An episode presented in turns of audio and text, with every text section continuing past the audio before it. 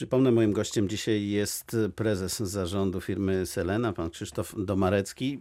Doszliśmy w naszej rozmowie do pułapce średniego, do pułapki średniego e, dochodu. E, dlaczego my na przykład nie jesteśmy innowacyjni, pańskim zdaniem, bo w tych y, listach rankingowych innowacyjności e, wśród krajów Unii Europejskiej to my jesteśmy na przedostatnim miejscu, na trzecim od końca. Chociaż no, teoretycznie wydawałoby się, że, że mamy większe szanse, prawda? Duży kraj, e, możliwości też, co za tym idzie, większe, i tu jest jakiś, jakaś bariera nieprzekraczalna. Rzeczywiście, e, zgadzam się z panem redaktorem i dodam tu jedną kwestię. Ja dostrzegam dysonans pomiędzy kreatywnością Polaków, która jest niewątpliwie wysoka, a tym, co pan redaktor był uprzejmy nazwać relatywnie niskim poziomem innowacyjności. To wynika z dwóch elementów. Pierwsze, mamy za mały przemysł lokalny, własny.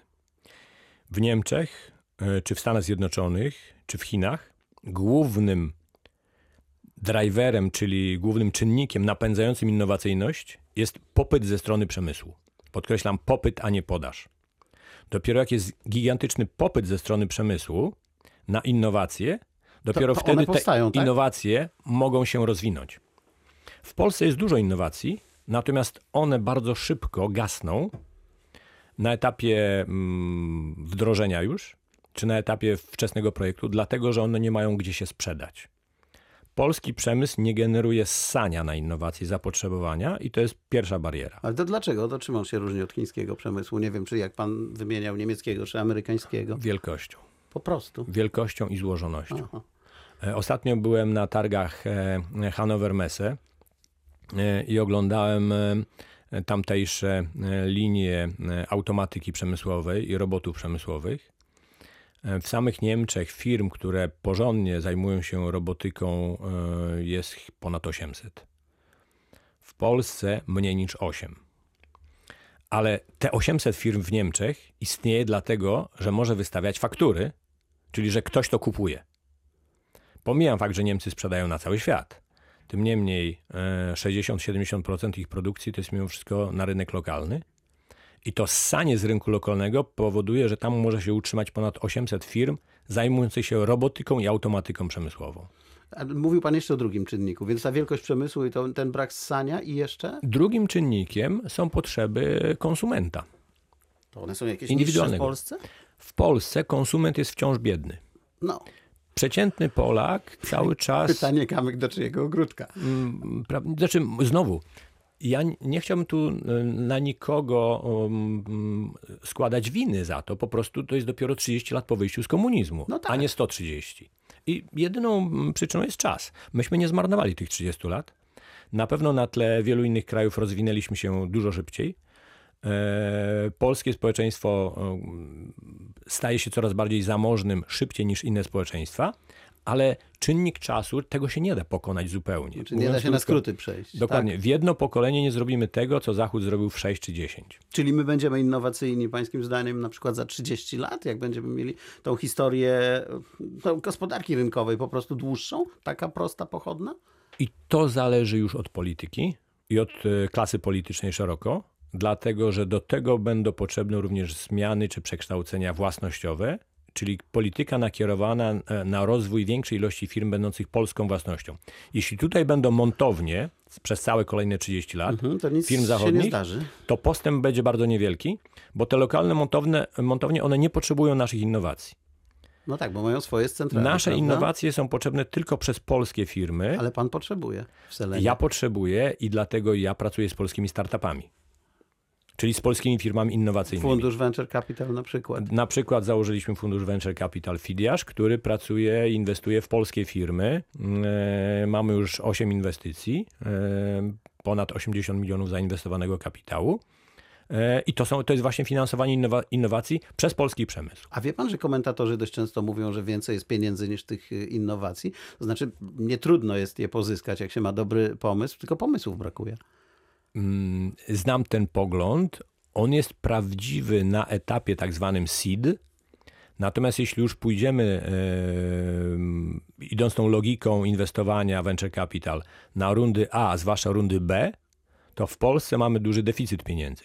Te pieniądze są źle rozlokowane, bo one są przeznaczone głównie na rundy seedowe, albo na tak, tak zwaną wczesną rundę A, a brakuje tych pieniędzy na e, kolejne rundy Rozwój, wzmocnienie. I wzrost sprzedaży, bo wtedy już są potrzebne duże pieniądze pojedyncze dla projektu, a, a tego brakuje. A jakie to by miały być, y, nie wiem, decyzje, chyba polityczne, o których pan wspominał, żeby ten kapitał e, polski się wzmacniał? No, y, musiała być nastąpić y, zmiana polityki państwa, jeśli chodzi o, rozwój polskiej przedsiębiorczości, dlatego że tutaj, bez względu na deklaracje, to kolejne rządy, oczywiście w warstwie narracji politycznej e, każda partia mówi coś innego. Rzeczywiście one się od siebie w warstwie narracji różnią. W warstwie praktycznej te zmiany, znaczy te różnice są znacznie mniejsze. E, Mianowicie kapitał zagraniczny cały czas ma dużo większe uprzywilejowanie e, niż kapitał polski. E, Kapitał zagraniczny ma swoich ambasadorów w Polsce, którzy mogą napisać list do polskiego ministra i powiedzieć, że im się nie podobają jakieś zmiany w polskim prawie, podczas gdy za polskimi przedsiębiorcami e, pies kulawą nogą e, się nie e, wstawi. Panie prezesie, wie pan, ilu polskich przedsiębiorców jest zrzeszonych w jakichś organizacjach, y, takich y, korporacjach jak izby gospodarcze? 2%. 2%. A w Niemczech, nie wiem, pewnie z 90%. Zgadzam się, to jest jedna z kolejnych słabości i akurat jeśli chodzi o przełamanie tej słabości, oceniam, że zajmie to około 10 do 15 lat. Natomiast już widzę takie trendy. A może by trzeba obowiązkowo zmusić, y, znaczy zmusić zawsze obowiązkowo, po prostu y, tą przynależność wymusić prawnie. Ja osobiście bym popierał ten pomysł. Bo tak jest w niektórych krajach. Tak, prawda? dokładnie i on działa. A pan widzi na horyzoncie te gorsze czasy, o których też y, mówią fachowcy? No ten trend dobry nie trwa wiecznie. Zawsze to jest taka sinusoida i, i podobno widać już coś za rogiem. Mm, Ja na to patrzę po pierwsze w perspektywie światowej, bo na bieżąco muszę śledzić y, 12 rynków co najmniej y, światowych, jak się zmienia koniunktura. Po drugie, patrzę na to w perspektywie y, 10, 20 i 30-letniej, a nie w perspektywie jednorocznej. Z tej perspektywy spowolnienia w koniunkturze są czymś naturalnym, na co się trzeba przygotować i trzeba po prostu to właściwie przejść, właściwie tym zarządzać. No i szykuje się pan na to? W podręcznikach zarządzania jest cała, linii, cała litania e, środków postępowania, natomiast mnie to w ogóle nie stresuje z jednego powodu. Najbliższe 30 lat będą latami dalszego rozwoju gospodarczego Polski i poszczególne spowolnienia nie powinny nas stresować. Ludzie będą budować, krótko mówiąc, bo to jest chyba najważniejsze. Brakuje nam domów, chcemy, będziemy chcieli mieć nowsze samochody. Pamiętajmy, że na razie jeździmy starymi. Będziemy chcieli mieć coraz lepsze meble, będziemy e, chcieli e, mieć lepszą szkołę. Zaczniemy bardziej zwracać uwagę na sferę usług. E, W związku z tym najbliższe 30 lat dla większości emerging markets, bo tutaj Polska nie jest dla mnie wyjątkiem. e, To będzie tu czas myślę- rozwoju. tak, to będzie czas rozwoju. Myślę tu zarówno o Azji Południowo-Wschodniej, myślę tu o Bliskim Wschodzie, myślę o Ameryce Południowej, myślę oczywiście o całej Europie Centralnej i Wschodniej. To będzie czas rozwoju. Mamy kolejne 30 lat przed sobą fajnego rozwoju. No, to ciekawe, kto będzie nas rozwijał. To będą pracownicy z wschodniej granicy, z Azji dalekiej, bo chyba taki trend się już zaczął i, i nic go nie zmieni. Na pewno wyzwania e, związane e, z dostępem do siły roboczej będą wyzwaniami, e, natomiast moim zdaniem technologia rozwiąże ten problem w sposób taki, że do części przemysłów wejdzie automatyka i robotyka. To już jest widoczne w części krajów świata. W Polsce jest troszeczkę wolniej, ale też.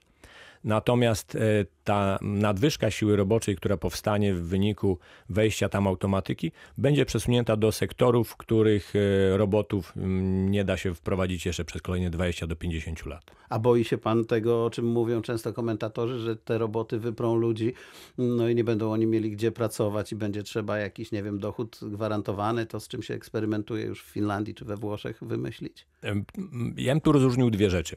Po pierwsze, miejsc pracy nie zabraknie.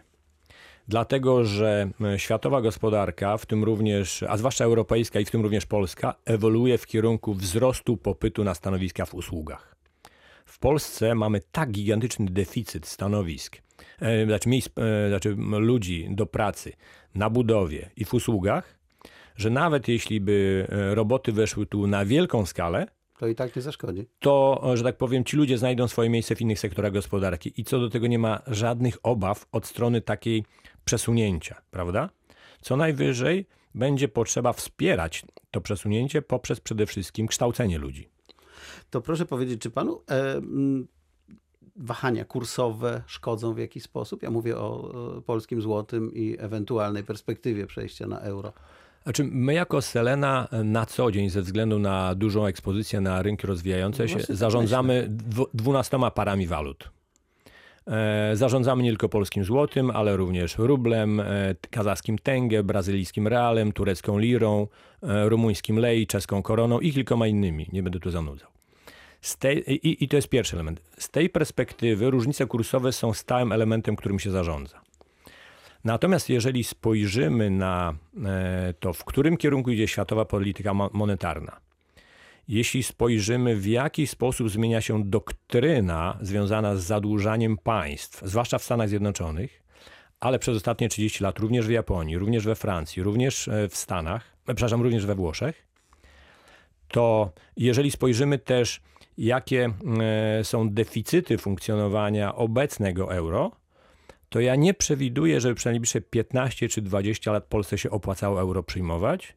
Ja jako przedsiębiorca mogę powiedzieć, trzymajmy się złotówki jak najdłużej, bo ona daje nam bardzo dużą elastyczność gospodarczą i ona jest jednym z powodów tego, że tak szybko się rozwijamy. No ale co, te stopy procentowe nieszczęsne, którymi sami możemy y, regulować, a nie regulujemy zanadto, bo one wiszą na jednym poziomie od wielu lat? W zeszłym tygodniu ukazał się świetny artykuł Financial Times pokazujący e, między innymi zmiany w doktrynie zadłużania się państw. E, Mówię tu o długu publicznym Stanów Zjednoczonych, który jak wiadomo jest bardzo wysoki, o skutkach długu publicznego Japonii i tak dalej, e, również Włoch.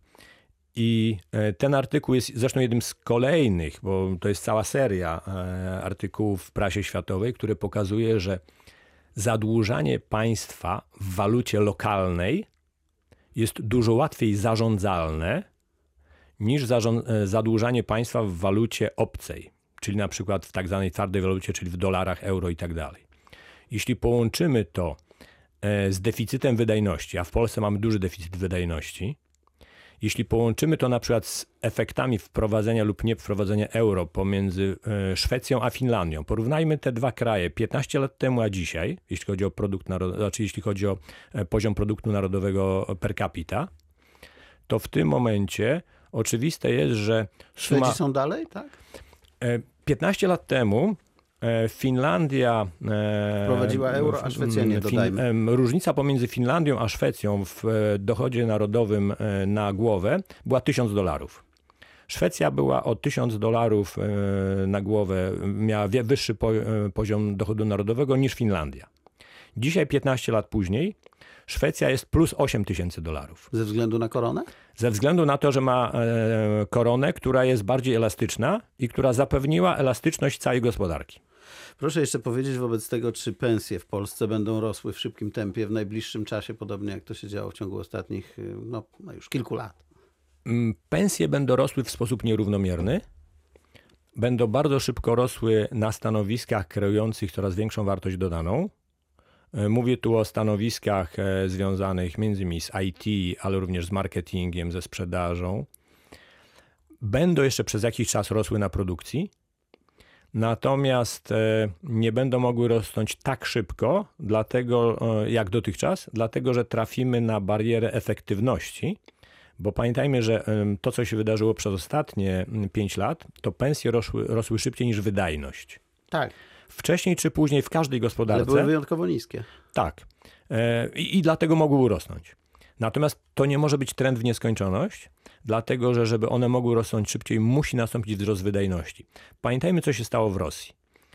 E, W Rosji pomiędzy e, rokiem e, 2009 a 2000 e, mniej więcej 15 bardzo szybko rosły płace. One rosły szybciej niż wydajność. To, że Rosja zahamowała gospodarczo, to ekonomiści rosyjscy pisali już, przewidywali e, już w roku 2012-2013. E, I to nie była kwestia tylko e, spadku cen na ropę, inne, to nie była kwestia sankcji, to była kwestia właśnie rozjazdu pomiędzy e, wydajnością pracy a e, płacami. To samo dotyczy każdej innej gospodarki. To jest prawo ekonomiczne i tu bez względu na to, po której stronie granicy się jest, tego się nie ucieknie. Polska też musi, że tak powiem... Wziąć to e, pod uwagę. Tak. To na koniec jeszcze chciałem pana zapytać o y, moment, w którym się znaleźliśmy, jeśli chodzi o rozwój kapitalizmu światowego w ogóle. Do czego to doszło, proszę spojrzeć, że y, niektóre kraje muszą się bronić przed korporacjami, bo te korporacje są większe niż te kraje i tak naprawdę mogą na przykład wpływać na sytuację polityczną, gospodarczą tych y, krajów. Weźmy małe kraje europejskie, półtora miliona, dwa miliony, trzy miliony ludzi, a takiego Google'a, czy nie wiem, jakąś taką inną potęgę. To nie jest zdrowe. Czy jest może właśnie? E, tak, e, to jest problem już ogólnoświatowy. E, to jest przede wszystkim problem wewnątrzamerykański, dlatego że korporacje przechwyciły albo uzyskały zbyt duży wpływ na władzę w samych Stanach Zjednoczonych i lewarując się na tym wpływie oddziaływują na cały świat. Żaden kraj europejski sobie z tym samodzielnie nie poradzi. Dobrze, że mamy Unię Europejską. Unia Europejska jest wystarczająco silnym podmiotem, żeby do takich zmian doprowadzić. Bardzo dziękuję. Krzysztof Domarecki, e, prezes zarządu firmy Selena, nagrodzony medalem stulecia odzyskanej niepodległości, był moim gościem.